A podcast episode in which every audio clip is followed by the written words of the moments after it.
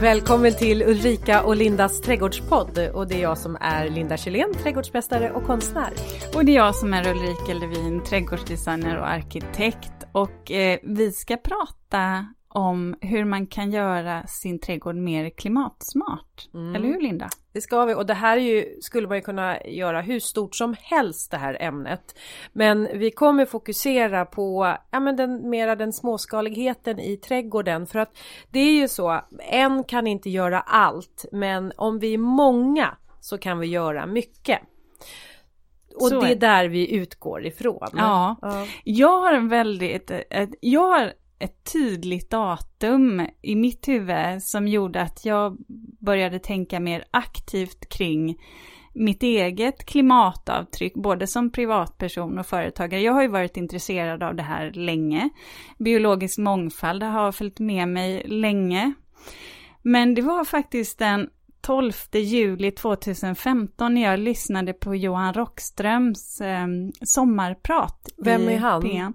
Han är en professor i miljövetenskap och en av ja, de tunga i det här området och som har eh, forskat mycket kring eh, planetens, de planetära gränserna, hur mycket kan vi pressa planeten innan det sker sådana, innan det uppstår tröskeleffekter, så kallade tipping points, som gör att ja, men jorden så som vi känner till den förändras radikalt.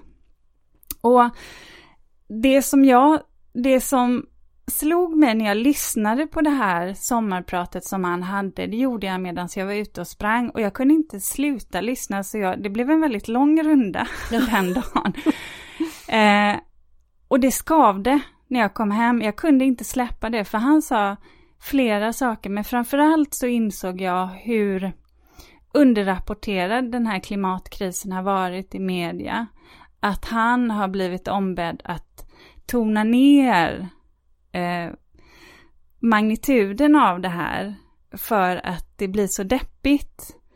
Och att eh, siffrorna, den här tidshorisonten, det, det är här och nu.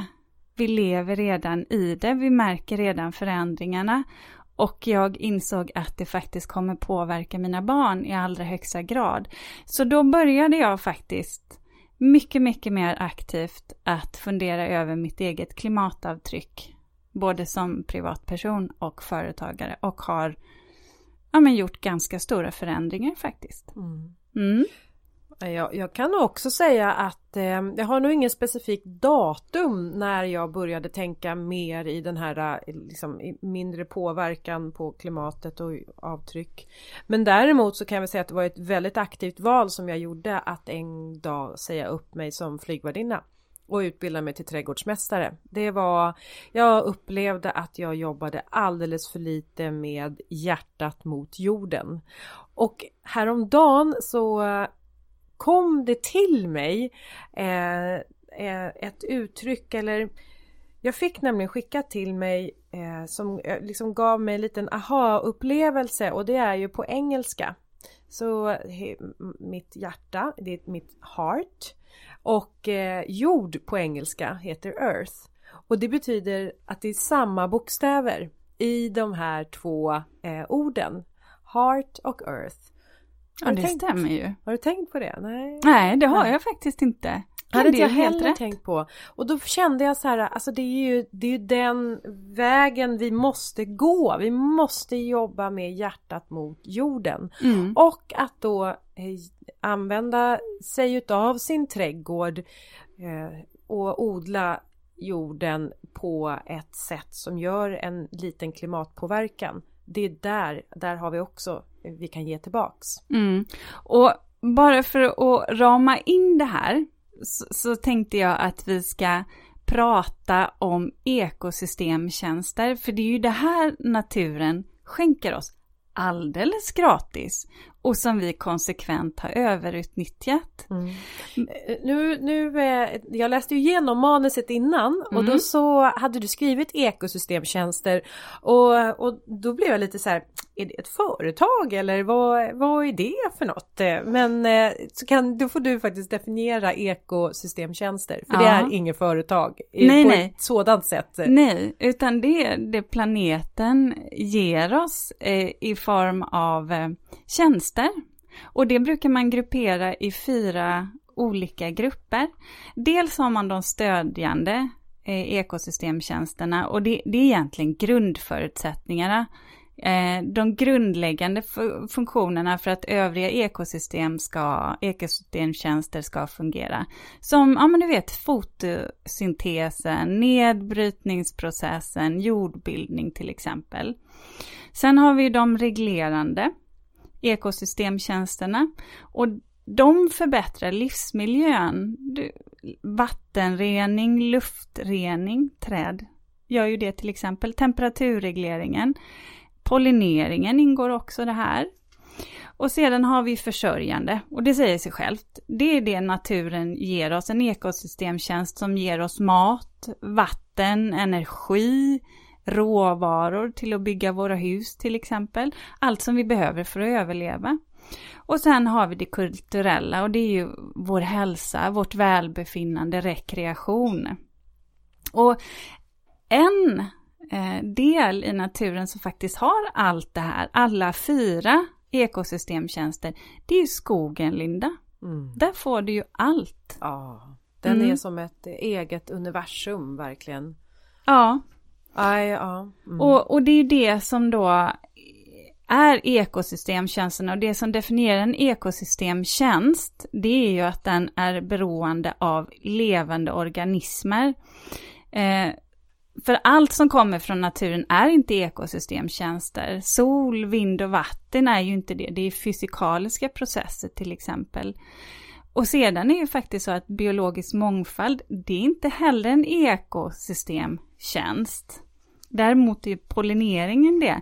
Men den här biologisk mångfald är ju istället en förutsättning för att övriga ekosystemtjänster ska klara av att långsiktigt då tillhandahålla de tjänster som vi är så beroende av, ekosystemtjänsterna. Så så funkar det. Mm. Mm. Och hur tänker du som trädgårdsmästare Linda mm. kring, kring det här med Ja, men alltså, jag tycker ju eh, kretsloppet i sin trädgård. Det är ju där som eh, eh jag, jag menar det är det som ligger till grunden eh, skulle jag säga eh, för att jobba i klimat eh, med minsta klimatpåverkan. Och när vi jobbar med ett kretslopp eh, i trädgården så kan ju det vara till exempel att eh, eh vad jag gör så här på våren det är ju att jag klipper ju ner alla eh, fjolårets eh, perenner. De har fått stått kvar på hösten och nu är de väldigt sådär torftiga och vissna. Och kanske innan jag blev högst medveten om hur, hur vi kan jobba med kretsloppet naturligt i våran trädgård. Då var jag en, en av dem som eh, klippte ner, krattade undan, la i svarta sopsäckar och åkte iväg med till sopstationen. Idag så vet jag bättre. Vad jag gör är att jag klipper ner allt det här i mindre bitar, ja men ungefär 5 cm bitar och så får det landa där på jordytan. Och det ser ju inte så himla roligt ut där det ligger. Det ser ut som ett sånt där liksom, ja men ett ganska mm, eh, Ja men det ser ut som bara eh, halm jag har strött ut eller något. Men då täcker jag det sen med eh, naturgödsel. Och nu har jag egna hästar så att jag har ju möjlighet att hämta själv. Men annars är ju det naturgödsel från kossa till exempel. Mm. Och det bara läggs där och då är det, det ser jättefint ut och eh, möjligt att jag liksom lite så vibrerar ner det, inte gräver, inte gräver. No dig här. Utan jag vibrerar ner det och sen så eh, kommer ju maskarna och hela mikrolivet att göra sitt. Eh, mm. Det här är ju någonting, alltså det blir ju som någon form av täckodling. Mm. Kretslopp. Det är Kretslopp. ju faktiskt det det handlar om. Ja. Vi eh, ska ju grotta ner oss nu, mm. fördjupa oss och i den första delen där vi ska prata lite materialval, där har vi en gäst som vi ska ringa upp nu. Ja. Då har vi med oss Fredrik Tomé som är landskapsingenjör och lärare inom trädgård och då specialiserad på anläggning och förvaltning av utemiljöer och han jobbar på Båsta, eller på Akademi Båsta. Hej Fredrik! Hallå, hallå! Hallå där Fredrik! Välkommen! Hej, tack för att jag får vara med. Mm. Eh, du, vi har ju pratats vid tidigare och jag har även lyssnat på en av dina föreläsningar som handlar just om hur man kan göra sin trädgård mer klimatsmart. Och då nämnde du någonting som jag tyckte var intressant och det har med naturgrus att göra. Eh, för det här är ju ett vanligt material som många av mina kunder i alla fall vill ha på sina gångar. Men det är ju faktiskt en ändlig resurs. Kan inte du förklara hur du tänker kring just naturgrus och vad man kan välja istället? Mm. Nej men som du säger, det är ändligt därför att någonstans har ju jordytan sköljts över av massa vatten som har sorterat de här olika stenarna, eller vad vi kallar det för, olika partikel, partiklarna. Och när vattnet fortfarande var i stor rörelse så är det de större stenarna som, som liksom sedimenterar eller av, avsätts och då kan vi kanske kalla det för rullstensåsar. typ. Eh, och sen så kommer då kanske andra ställen där det är liksom mer i grus och sand, storlekar på partiklarna. Och sen så fortsätter det hela vägen ner till våra lerjordar där vattnet har stått stilla länge och där de här små, små partiklarna har fått sedimentera och skapa de här lerjordarna. Och då är det någonstans där, där mellantinget som vi pratade grus och sand som är intressant i, i, i att när man anlägger utemiljö så, så använder vi gärna den typen av storlekar för att skapa ytor där vi kan köra med våra bilar och sådär. Och så har vi gjort det i hundratals år. Eh, men som sagt det är en ändlig resurs därför jag menar det finns ju bara en viss mängd av sådana här ytor eller liksom det ställen där vi kan liksom gå in och skörda den här grusen. Och det är därför som man då istället för naturgrus eh, som faktum är dessutom ligger, ligger det, finns det naturgrusskatt numera för att liksom styra över oss på det som är det, det andra då. Det är att, att vi använder våra berg istället. Mm. Vad är det att, för eh, material då? Ja precis, så då är det så att berg har vi ganska mycket mer av. Det, ingenting är oändligt såklart men i jämförelse så är det ju oändligt i jämförelse med de här sorterade naturgrusarna. Och det är så att man, det går till på det sättet att man spränger loss delar av berget, krossar det ner till mindre partiklar och sen sorterar man det och säljer det då som eh, olika typer av eh, krossprodukter. Då. Och de kan man använda istället. Så om man nu skulle vilja ha en, en, eh, en yta med sten på sig, så, eh, en yta med som kanske ska dessutom vara dekorativ eller en gårdsplan eller en uppfart där man vill ha den här typen av singelyta som vi säger. Va? Då kan man ju fortfarande välja eh, naturligt sorterade stenar. Eh, allt från eh, sånt som, man, som, som vi hittar på de här grustäkterna. Det kan också vara sjösten från olika delar av världen, väldigt snygga och dekorativa. Men det skulle egentligen bättre då ur ett eh, miljöhänsyn och det här med hållbarhet att använda en, en krossprodukt, en makadam, alltså där man har plockat ut alltså ett antal stenar då som är någonstans kanske mellan 8 och 16 millimeter. Mm. Och så lägger man på den då. Sen finns det större fraktioner också, alltså vi pratar eh, om man ska bara ha det som dekoration eh, så kan man använda upp till, det, det, liksom, det, det, bestämmer man själv hur stora stenarna ska vara, vilka, liksom, vilket spann på millimeter. Men om vi pratar en, en uppfart, en gårdsplan så kanske en makadam eh, där de minsta stenarna är 8 mm och de större 11-12 mm ungefär. Va? Det skulle kunna funka ganska bra. Mm. Stenmjöl då Fredrik, eh, är det ett mm. alternativ? Absolut, stenmjöl är också en krossprodukt. Så, så vill man inte ha den här ytan, så kallade singelytan, Eh, egentligen är alltså begreppet rent, nomenklaturen säger att singel är naturgrus, rundade korn och sådär. Men som sagt, vi använder oftast kanske ändå idag för att spara på de där ändliga resurserna då, makadam. Men vill man ha en sån yta, eh, då är det stenar i den storleken som gäller. Men vill man ha en en yta som är ganska hård. Eh, den blir ju, eh, är den torr så är den typ lika, nästan lika hård som en en betongplatta sen. Va? Eh, regnar det så måste man tänka på avvattning som i alla andra sammanhang också. Men Eh, så den funkar. Eh, stenmjöl, det, det, då är det krossade produkter. Vi pratar från 0 mm upp till 8 mm och så kompakterar man det och får en ganska hård yta som är lätt att köra med rullstol och lätt att ta sig fram på och sådär. Mm. Men är då en grusyta så att säga. Mm. Ja, och man kan väl också säga då att om, för det du nämnde här är ju en av de sakerna som jag tror att många trädgårdsägare tänker på. Alltså naturgruset det har ju rundade stenar, makadammen har ju väldigt kantiga stenar. Och eh, makadam är ju då att föredra, eller stenmjöl, men om, på gångar i alla fall.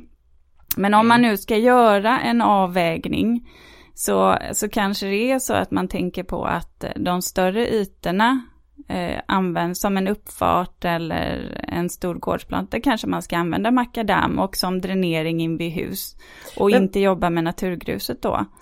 Men, ja, mm. men i min värld så är makadam väldigt vasst och inte så behagligt att gå barfota på.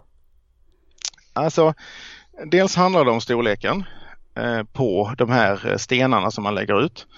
Eh, och och någonstans mellan 8 mm som den minsta stenen, eh, för är det mindre än 8 mm är lätt att fastna i skon och sådär. Va? Man använder ju även alltså makadam som halkstopp i vinterväghållningen. Men då pratar vi en makadam som är mellan 2,4 2,5 mm och det är mm. de som fastnar i skorna sen och repar golven inuti. Ni vet man. Så att 8 mm uppåt är bra. Går vi över 16 mm eh, på de största stenarna i en sån här grusyta så, så börjar de bli för stora för att liksom det blir lite instabilt att gå. Så, så då har vi och sen är det så att ja, vast, ja, de är ju lite kantiga men det är inte så jättefarligt. Mm. Pratar man om den hårdaste stenen som vi använder, diabas, för den är ju ändå ganska vanligt förekommande, för den har varit ganska populär senaste, senaste tiden, va? i och med att det är den vi upplever som svart när den är blöt eller är den torr så är den liksom väldigt mörk grafitgrå. Så, så den spjälkar på ett sätt som gör att de stenarna blir lite vassare än vanlig granit. Mm. Men granit generellt, det finns olika graniter, olika färger, allt från väldigt ljus, ljusgrå, kallar det ibland för vit, till grå i olika nyanser, upp till den här diabasen som är mörk, men det finns rödaktig granit och så vidare. Mm. Att, och då är de inte jättevassa ska jag säga. Så att, nej, det, Ja. barfota. Jag, kan ju jag, jag brukar faktiskt resonera så här och säga i mina projekt att där man vill gå barfota, då kan mm. man ju faktiskt kanske välja att hårdgöra de ytorna med någon typ av sten istället. Mm. Men eh, Linda, du hade en fråga också till Fredrik som jag tyckte var intressant. Tänker på den här med frakten av nat natursten. Ja, natursten ja. kontra betong där. Ja, precis. Alltså, det är väl det eh, funderat på. Eh, ja, dels då natursten. Ska man välja natursten före betong eller är betong att föredra före, eh, före natursten? Hur ser du på det? Mm. Eh, jättebra fråga och som sagt eh, om man ska titta på en livscykelanalys så blir den väldigt eh, specifik för varje projekt som man gör så att det går inte att säga något generellt eh, att det ena är bättre än det andra. Eh, men man kan väl konstatera följande då att om man står i valet och ska göra en mur, ska jag välja natursten Eh, alltså typ olika graniter eller liknande. Eller ska jag välja betongsten som är väldigt lätta för de ju, har ju samma form och lätt att lägga ut. Eller ska jag göra en garageuppfart till exempel, ska jag använda gatsten eller ska jag ha betongplattor och så. Så är ju betongen är betydligt billigare som produkt. Det, det, kommer, det kommer vi aldrig ifrån därför att det, det kräver mer energi eller mer tid och att ta fram de här stenarna, gatstenen. Eh, det, är väldigt effektivt och industrialiserat att, att producera de här betongplattorna eller betongmarkstenarna. Mm, och samtidigt eh, släpper ju betongen ut otroligt mycket koldioxid. Det är ju ett problem med betong och cementframställning. Precis, och det är själva eh, tillverkningen av själva cementen som är det som är bekymret. Ja. Sen kanske också även tillverkningen av plattorna är ju en industriframställning. Men eh, som sagt så att där är ju så att ja, den påverkar och belastar naturen mer i sin framställning men i billigare inköp.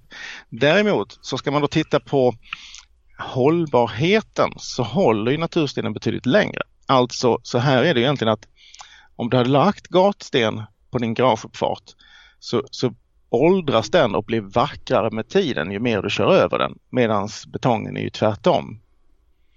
Eh, den slits eh, och blir ju inte vackrare med tiden så, som gatstenen blir.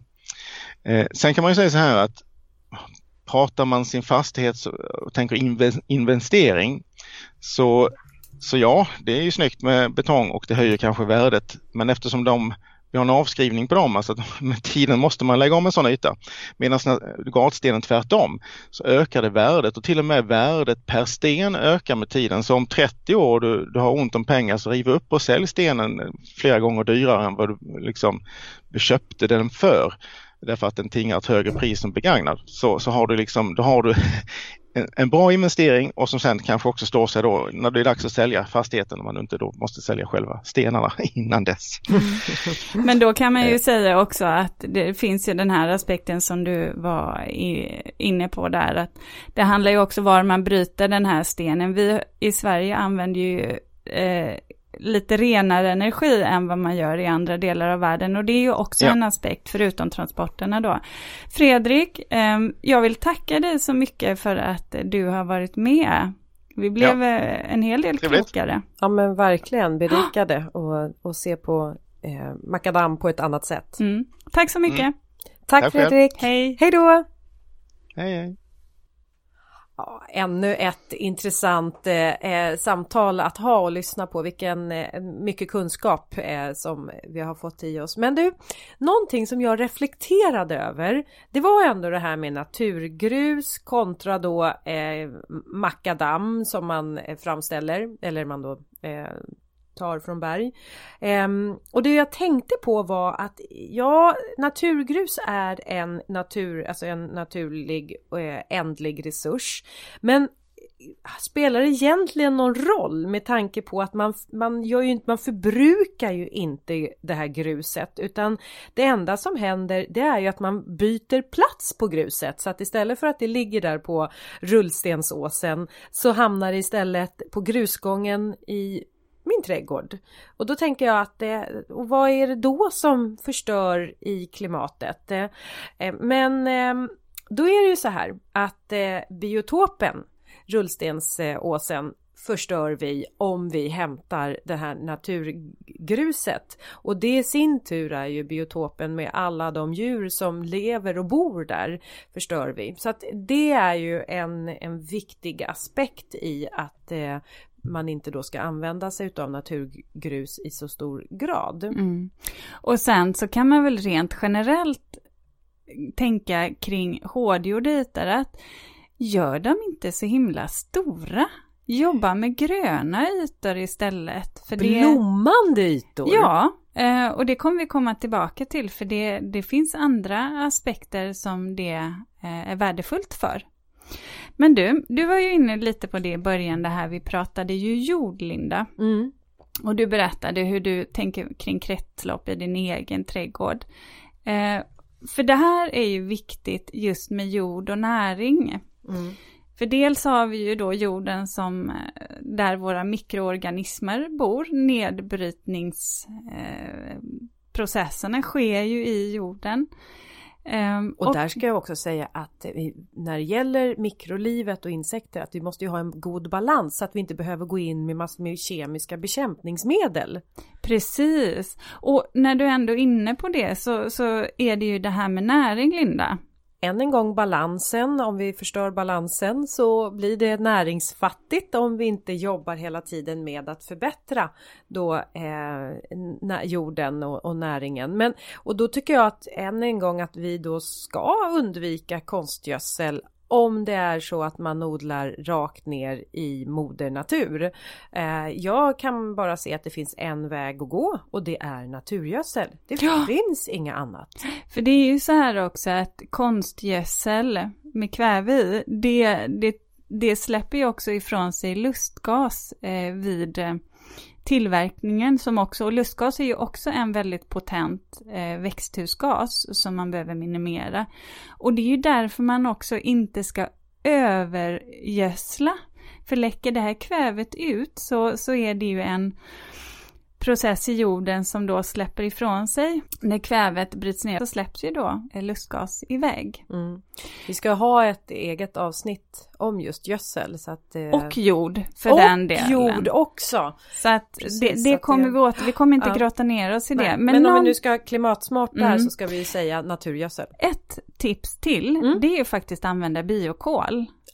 Just För det. det binder ju kolet i marken om man gräver ner det. Mm. Eh, och dessutom så är det ju bra utifrån eh, att det både binder vatten och näring till växternas rötter. Mm. Och det här blir ju en naturlig kolsänka, så tänk dig om alla trädgårdar skulle ha biokol. Och biokol det är ju då det är ju faktiskt, gör man ju av till exempel kuttespån, ni vet, som man får när man hyvlar plank, eller från skogsprodukter, restprodukter från skogen, eller från jordbruksrester. Mm. Så att det är ju någonting som man faktiskt kan jobba med. Och då när vi ändå pratar om, eh, om kol och biokol så skulle jag ju säga ett, eh, något av det viktigaste i min trädgård, det är ju träden att jag är väldigt rädd om mina träd och att de eh, absolut inte får fällas. Eh, I och med att eh, träden i sig då binder just koldioxid, det vill säga de, det renar ju faktiskt mm. luften. Men också att de ger skugga och ja, skuggan i sig håller kvar fukten i jorden. Där säger du någonting viktigt, för det, det här är också en aspekt, alltså dels att träd binder kol, men Framförallt också att man kan jobba med dem som temperaturreglerare. För att de skänker skugga, de gör ju också att det kan bli lite fuktigare och det är ju också någonting att tänka på, att jobba med växtlighet kring eh, sina hus. Eh, och I vissa delar så jobbar man ju även på husen. Att man skapar grönytor på väggar och tak och i en privat trädgård så kan man ju absolut skugga både sin uteplats men även eh, insidan till viss del genom att placera träd rätt, att ha en kanske en spalé eller en pergola där man kan ha växtlighet som täcker in under den varma årstiden. Så att Speciellt någon... du som inte tycker om gardiner. Ja, ja, exakt så är det ju. Men det är faktiskt en väldigt viktig eh, aspekt av, av det hela. För att det blir också absurt ibland kan jag tycka när jag eh, diskuterar uterum och, och man vill ha det här glaset, man vill ha ljuset och så är nästa Nästa synpunkt blir, eller nästa kommentar blir att men då får vi skaffa AC för att det blir för varmt och då kan jag tycka att då behöver vi jobba med miljön på, på utsidan som träd eller skuggväxter för att, eh, skuggande växter, mm. för att så att säga göra ett bättre klimat och det kan man absolut jobba i sin trädgård eh, på det sättet och också vindskydd. Mm. Ja, oh ja. Så att saker och ting inte blir utsatta. Men här tyckte jag att du när, du, när vi pratar lite om växtlighet och träd framför allt, så kan jag också tycka att det är viktigt att man väljer växter som passar kanske för platsen eller att man gör, ger dem optimala förutsättningar och att man väljer rätt eh, proveniens för det. Vill du förklara vad det är? Ja, eh, alltså rätt proveniens och rätt läge eh, mm. tänker du på då va? Ja, jag tänker mer att man kanske väljer ett träd, om man, att man väljer rätt sort. Mm. Mm, mm. Just det.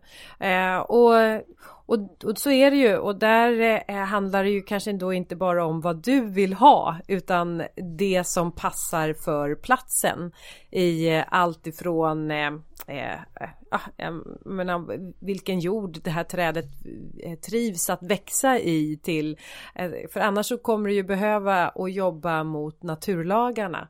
Så att eh, eh, det styr ju för att du ska borda ju för att du får en, en god etablering av ditt träd.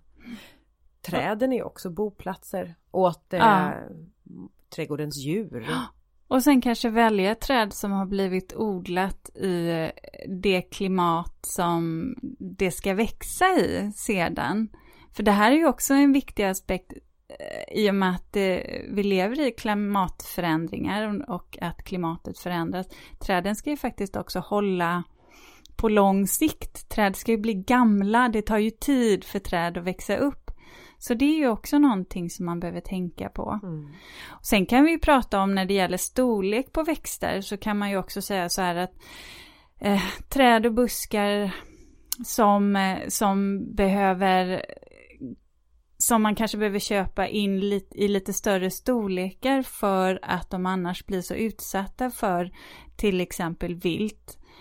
Där kanske man ska lägga pengarna, men sedan så här som perenner eller om man inte har bråttom med att få upp sin häck, då kanske man kan köpa lite mindre plantor så får ju de växa på plats.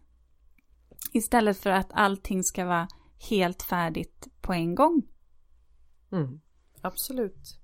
Eh, men du, en, en väldigt stor viktig del det är det här med eh, vatten och um, bevattning, skörda vatten, hantering av regnvatten. Mm. Har du, eh, tar du hand om ditt regnvatten?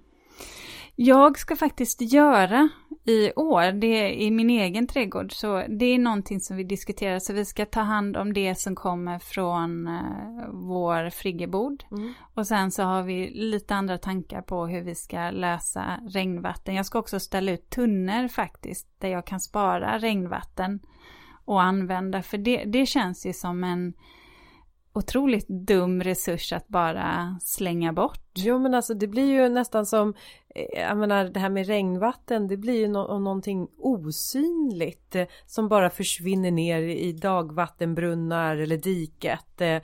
Och sen den dagen när solen strålar och det har inte regnat på många, många dagar så tänk om man ändå hade tagit tillvara det där regnvattnet. Och jag hörde ett, läste om ett räkneexempel och om man har ett tak på cirka 200 kvadratmeter och så regnar det låt säga 5 millimeter då kan man få hela 1000 liter vatten att samla i sina eh, tunnor som man har utställda. Alltså förstå tusen liter. Det är jättemycket och det här är någonting som jag tror kommer komma för jag tror att i och med eh, att klimatet förändras så tror jag också att det kommer komma regleringar. Och en sak som faktiskt redan många kommuner reglerar det är ju hur man släpper ut sitt dagvatten. Vissa kommuner eh, ger ju bidrag för om man plockar bort eh, en stupränna som är kopplad till dagvatten brunnar och sen att man leder ut i sin egen trädgård istället. Men också har jag märkt att när jag har haft bygglov inne eh, så, så kan det vara så att kommunen då i fråga har kommit tillbaka och eh, frågat, ja men är det här en hårdgjord yta? Vad ska du ha för material? Eh, och då rör ju oftast inte bygglov själva, själva materialet på marken om det inte är en upphöjd yta. Men då kan det vara så att de tycker att den här hårdgjorda ytan blir väldigt stor. Hur ska du hantera dagvattnet på det här? Vad är det för material? Är det något material som släpper låter regnvatten sippra ner eller inte. Så att det där blir också en fråga. Hur blir det med stenmjöl då? då? För det förstod jag ju var ett tätt material. Ja men det, det, det fångar ju vattnet. Mm. Så att det, det sipprar ju ändå ner och det är därför man inte ska ha det på en gång som lutar mot huset utan man måste alltid ha en lutning så att det rinner av för annars så fångas ju vattnet eh, där. Men, men för stora hårdgjorda ytor återigen mm.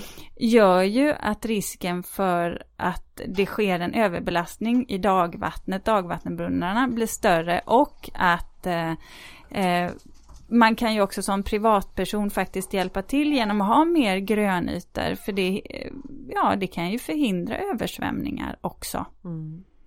Eh, men när eh, du vattnar Eh, jag såg ju nu här förra året, när, eller förra våren, oj vad det knarrar om de här gamla dörrarna här ja. i, i det här gamla, gamla huset. Eh, men då såg jag att du hade lagt ut eh, droppslangar. Och droppslangar är ju om man nu ska aktivt välja om man ska ha en eh, vattenspridare eller om man ska ha en droppslang. Ja. Då måste ju valet bli droppbevattning. Bevattning. Ja, eller hur? Mm. Förlåt, jag tappar lite koncentrationen. Vår mat kom precis och både du och jag är ganska hungriga ja. tror jag. Ja, nej men det är, det är klart. fågelungar här som säger. Men du Linda, eh, ja. det här är ju också intressant. Men, när, när, ska, när på dygnet ska man då vattna egentligen? Mm. Och då är det ju olika faktorer som spelar in. Har man problem med sniglar så säger man ju att man ska vattna på morgonen eller till och med på dagen. Eh, men om man nu ska titta på sunt förnuft eh, klimatpåverkan så skulle jag ju säga att det är det bästa att vattna på eh, kvällen eller på natten så att det här vattnet som man ändå vattnar ut får sjunka ner i jorden och inte då avdunsta. Men jag tänker också att om man har en droppslang utlagd som sakta sakta liksom dripp dropp vatten så tror jag att det har nu, nu säger jag tror för jag har faktiskt inga belägg, jag, har inte, jag vet inte. Men jag mitt sunda förnuft säger att det bör vara då att vattendropparna går rakt, liksom lättare kommer specifikt ner till de här växternas rotsystem. Mm. Och sen kan man ju säga så här också att återigen rätt växt på rätt plats. Ja. Eh, solälskande växter på torra platser Eh, och fuktighetsälskarna där man har naturligt mer fukt i trädgården. Det är ett sätt att faktiskt vara klimatsmart. Och sen, spring inte runt och småskvätt med vatten. Vattna rejält hellre mer sällan så att växternas rötter automatiskt söker sig neråt. Det är också en bra Mm. Eh, ledstjärna. Ja, verkligen. Vi vill få ut det mesta möjliga av varje vattendroppe. Ja. Mm. Sen har vi den biologiska mångfalden och här har vi ju faktiskt ett avsnitt som vi redan har eh, sänt. Pollinatörsträdgården avsnitt 18. Men vad man kan göra och faktum är så här, vad nu när vi är tidigt på säsongen, mm. eh, vill man ha humlor boende hos sig, då ska man ställa ut små humlebon och det är upp och nervända krukor mm. med hål i och så lite, alltså de säger sorkbo ska man hitta där i. Det är inte alltid så lätt. Däremot så kan man ju gå till eh, en zooaffär och eh, hämta eh, så här, rens ifrån hamsterburar och ja, mm. och lägga ner så lockar man till sig humlorna. Men jag måste bara berätta, jag var så himla glad förra året för att eh, ja, men du, du har ju varit i min trädgård och du vet ju att den är ju ganska lummig och frodig. Jag, eh, ja, men jag, har, jag måste ju få testa i min egen trädgård. Så att jag har ju mycket blommande växter och alltså i förra året min perennarabatt det var trollsländer i grönt och du vet turkos som svävade och hovrade över ytorna. Det var humlor, bin, det var blomflugor. Ja, du vet, jag hade, jag, jag kände mig så himla nöjd för jag hade du verkligen... Kände, kände inte du dig rik? Jo, verkligen och det var vackert. Ja, men det var din kantnipeta som bara, den blommade ju liksom ja. överdådigt. Och anisörten oh. och äh, du vet, jag var, äh, jag bara kände jag var lycklig. Ja, det förstår jag. jag. Jag känner lyckan redan, alltså ända hit, eh, när du bara beskriver. Men eh, vad jag vill prata om just de här humleborna till exempel eller för den delen fågelholkar och insektshotell. De måste ju ställas ut tidigt på säsongen mm. så att eh, vi har några som har möjlighet att flytta in därför att eh, humledrottningen hon är ute tidigt på våren och letar en ny boplats. Verkligen. Och då är det, det är lite för sent att sätta ut dem där i liksom, slutet på maj. Mm. Eh, och fågelholkarna, jag menar nu är vi i mars och jag har redan sett hur fåglarna är ute och letar nya boplatser. Jag har flera fågelholkar hemma. Mm. Så att eh, sätta upp dem så att ni, och de kommer ju hjälpa er att skapa den där balansen. Ja, och se till att nu inte städa för nitiskt då eh, i trädgården utan låta det vara Eh, lite, lite skräpigt på vissa delar av tomten. Det kan man faktiskt välja. Där. Alltså man kan välja de ställena där det kan döljas. Mm. Men alltså sen måste jag nog också eh, tycka till om det här med skräpigt. För när vi säger så här, men lämna en skräpig yta. Eh, då, för mig så ser jag framför mig en bild med eh, gamla cyklar som är ditslängda, pantburkar. Nej, men, det är väl ingen som slänger sånt i sin egen trädgård? Nej men alltså när man säger så här skräpig yta. men jag, jag menar lite löv, lite grenar och sånt. Och det har jag själv i min egen trädgård. Under men det är nog för att jag inte buskar. ser det som skräp. Nej. Bara så här, ja. Organiskt material. Organiskt, ja. lämna en org, organiskt materialyta. Ja. För det blir boplatser ja. till många insekter faktiskt. Mm. Ja men och då är vi igen en gång, tänk på kretsloppet. Ja. Mm. Sen ja. har vi en sak som vi måste ta upp som jag har pratat om innan. Och jag kommer nog nämna det här flera gånger under avsnittet. Men det är ju det här med ljussättningen. Det är ett problem. Och jag vet, eh, jag möter ju många av mina kunder som verkligen vill ha ljussättning och tycker det är fantastiskt vackert. Och det finns också en säkerhetsaspekt. Definitivt. Men tänk på att många av våra nattlevande insekter dras till de här ljusen och dör. Eh, och sedan även nattlevande djur. Plus att det också påverkar vår sömn. Framförallt i tätbebyggda områden så har jag märkt att många armaturer kastar iväg ljuset kanske 3,5-4 meter upp i luften om man belyser en buske. Jag var till exempel ute och ljussatte här nu, provljussatte i veckan. Och det kan vara väldigt det kan vara väldigt irriterande om man då har ett hus som ligger 4,5 meter från, från tomtgräns med sovrumsfönsterna som vetter mot den här eh, lampan. Det behöver ju inte vara ljust som på dagen, på natten och det någonstans måste man köpa. Dels så drar det energi helt i onödan, energiåtgången ska vi minska. Men sen så tycker jag så att ljussättningen, det ska det kan, det kan man lysa upp när man har behov av det och när det finns en funktion. Och man behöver inte alltid brassa på med så jädrans många lampor eller så mycket kräm i lamporna. Utan att man gör det med finess och eftertanke. Mm. Mm. Ja, sanningens ord.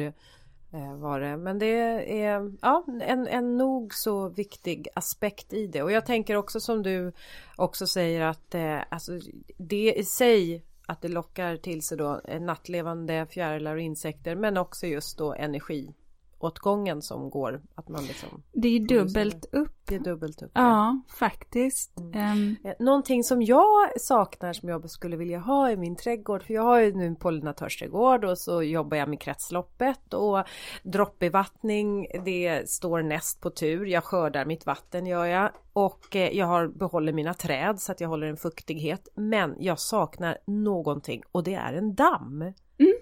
Jag skulle vilja ha en damm hemma som lockar till sig eh, lite, lite så här paddor och ja, en, annan, en annan biotop. Mm. Jag har vatten i min trädgård och jag kommer få en lite större damm nu. Ja. Vart då någonstans? Fast de, ja, det är sådana här små containrar som jag har ja. framme. Men jag kommer ha eh, en lite större, ja, damm och damm. Det blir en ganska stram design. Mm. Så det blir inte en naturdamm på det sättet, mer som en container då. Men, men jag har märkt att det här med vatten i trädgårdar som är gjort där man har stora, eh, kanske dammar eller vattenspeglar, oavsett stil. Det är väldigt uppskattat av um, ja, men, eh, grodor, salamandrar, eh, paddor, men också fåglar som faktiskt dricker ur det. Och även vattenlevande växter, eller inte vatten, vattenlevande, eller jo, in, vattenlevande insekter. Ja, insekter, ja men jag tänkte växter också. Ja, mm. växter. Men det jag också kan tycka är ju att för, för insekterna som för en liten humla, då kan det räcka med ett vattenbad. Ja, Just det. Mm. Och lägg några stenar eller några glasflaskor där i, eller glasflaskor, glaskulor där i så att de har någonting att, balansera ja, på. för de, de drunknar annars. Ja, de drunknar annars. Ja. Det, Men du Linda, mm. sen kan man väl säga så här också att eh, det handlar om att tänka långsiktigt i sin trädgård. Eller hur? Man mm. kan också tänka cirkulärt. Kan man återanvända? Eller sälja eller köpa begagnat. Mm. Mm. Och det är väl något som jag eh, själv eh, har börjat tänka mer och mer på att eh, istället då byta växter eller liksom ge bort eller ja men du, vi pratade eller du hade också med som en punkt med eh, äppl, äpplena på äppelträden på hösten. Alltså, ah, om, om du inte själv har behov, ställ ut eller ge bort. Och, ja, det är väl en enkel sak men ändå att man gör det, att det påverkar. Mm. Och, eh, och ja, fast jag kan tycka det är jättespännande just att det blir en andrahandsmarknad på växtmaterial. Mm. Och även eh, då stenar om man nu plockar bort då man har kanske mm. en Ölandstenläggning. Vi tar bort den och vi säljer. Mm. Och inte bara att eh, ah, man gräver ner det. Mm. Ja men det gäller faktiskt att maxa din gröna maxa den gröna ytan skulle jag vilja säga. Mm. Det, det hjälper till vare sig man bor lantligt mm. eller om man bor i våra urbana eh, miljöer. Men du Linda, eh, vi har pratat en hel del om det här, nu är jag lite intresserad av, har du någon reflektion som går lite på det här temat? Mm, tänk för att det har jag. Jag eh, satt på min kammare och sen så kom jag på att Eh, jag vill dela med mig av ett tänk som jag har. När jag, oavsett vad, när jag, alltså i princip är det så här, när jag ställs inför att köpa någonting som jag blir väldigt sugen på. Då brukar jag tänka på, är det här ett behov?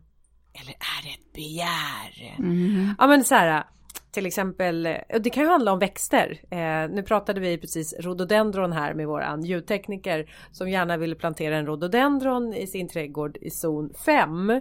Och då var ju frågan så här, hmm, finns det någon rhododendron som klarar sig till den zonen? Och om inte kan man välja något annat eller är det ett begär att få dit den där rhododendron? Eh, behovet kanske är ett annat men begäret. Och så brukar jag tänka som sagt när jag köper kläder. Eh, när jag står där. Och jag blir så sugen. Men så... Ja, men, men hur gör du då? För det är väldigt lätt att säga att ja men att allt då helt plötsligt blir ett behov för att rättfärdiga ja, sitt sin konsumtion. Sin konsumtion. Mm. Ja. Eh, nej men alltså här gäller det ju att vara ärlig mot sig själv. Och det, alltså man kan ju inte lura sig själv. Kan man det? Ah, jo, det tror jag nog man kan. Ja. Vi är väl människor allihopa. Men vet du vad jag gillar med det synsättet Linda? Det är att du tänker annorlunda. Och det är väl det jag kan tycka att man... Oftast tycker jag att vi tänker på vad vi förlorar om vi skulle välja att avstå och väldigt sällan på vad vi vinner om vi gör ett annat val. Och ibland så kan jag själv tycka att jag säger inte till mig själv att jag aldrig får göra det, men jag säger att jag ska tänka annorlunda så långt det går. Mm. Och det är väl något som du gör mm. när du ställer den frågan till dig själv. Behov eller begär? Ja, jag själv ja. har eh, Ja men du vet, jag klurar mycket på det här och jag läser ju på. Och ibland så blir jag, tror jag som många andra, jag blir ganska matt av den här informationen. Dels för att jag tycker att den är allvarlig, men jag kan också känna att ibland så får jag så här, jag får svårt att veta vad jag ska göra. Vad är absolut bäst? För det är ju helst det jag vill göra. Men så att då kände jag så att nej men nu gör jag det enkelt. Eh, så jag har bara, jag tänker så här i så långt det bara går. Att jag ska göra åt så lite energi som möjligt. Och det är inte bara det handlar inte om mig eh, själv, alltså min rörelseenergi. Utan det är snarare... du sitter i träningskläder. Ja, så precis, att, jag ska inte springa, springa sen. Men, nej, men det handlar om mer det här att, eh, ja men kan jag gå och cykla istället för att ta min elbil? Det är en elbil, det är inga fossila utsläpp på den, men jag, alltså elen ska ju ändå framställas. Eh, så att det har jag konsekvent tänkt på, vare sig jag köper mat eller jag, eh, ja men du vet, i, i jobbet, eh, hur jag tar mig, hur jag transporterar mig, gör åt så lite energi som det bara är möjligt. Och det, jädrar vad det är applicerbart på ett väldigt enkelt sätt. Mm. Mm. Mm. Nej, bra, bra tänk. Ja. Mm. Men eh, tack för att ni har lyssnat idag. Lyssna som sagt var gärna på Pollinatörsträdgården avsnitt 18. Ja. Mycket innehållsrikt och där får ni verkligen konkreta tips om vilka växter man ska odla. för att få eh, en rik biologisk mångfald i sin trädgård. Mm. Ja, vi säger så. Ja, det gör vi. Och tack för att ni lyssnar. Ja. ja. Det sa jag nyss. Sa du det? Ja, men jag vill ju också säga det. är Jag vill äta. Oj, eller hur? Nu måste vi äta lunch. Ska vi Ja. Hej då! Hej då på er!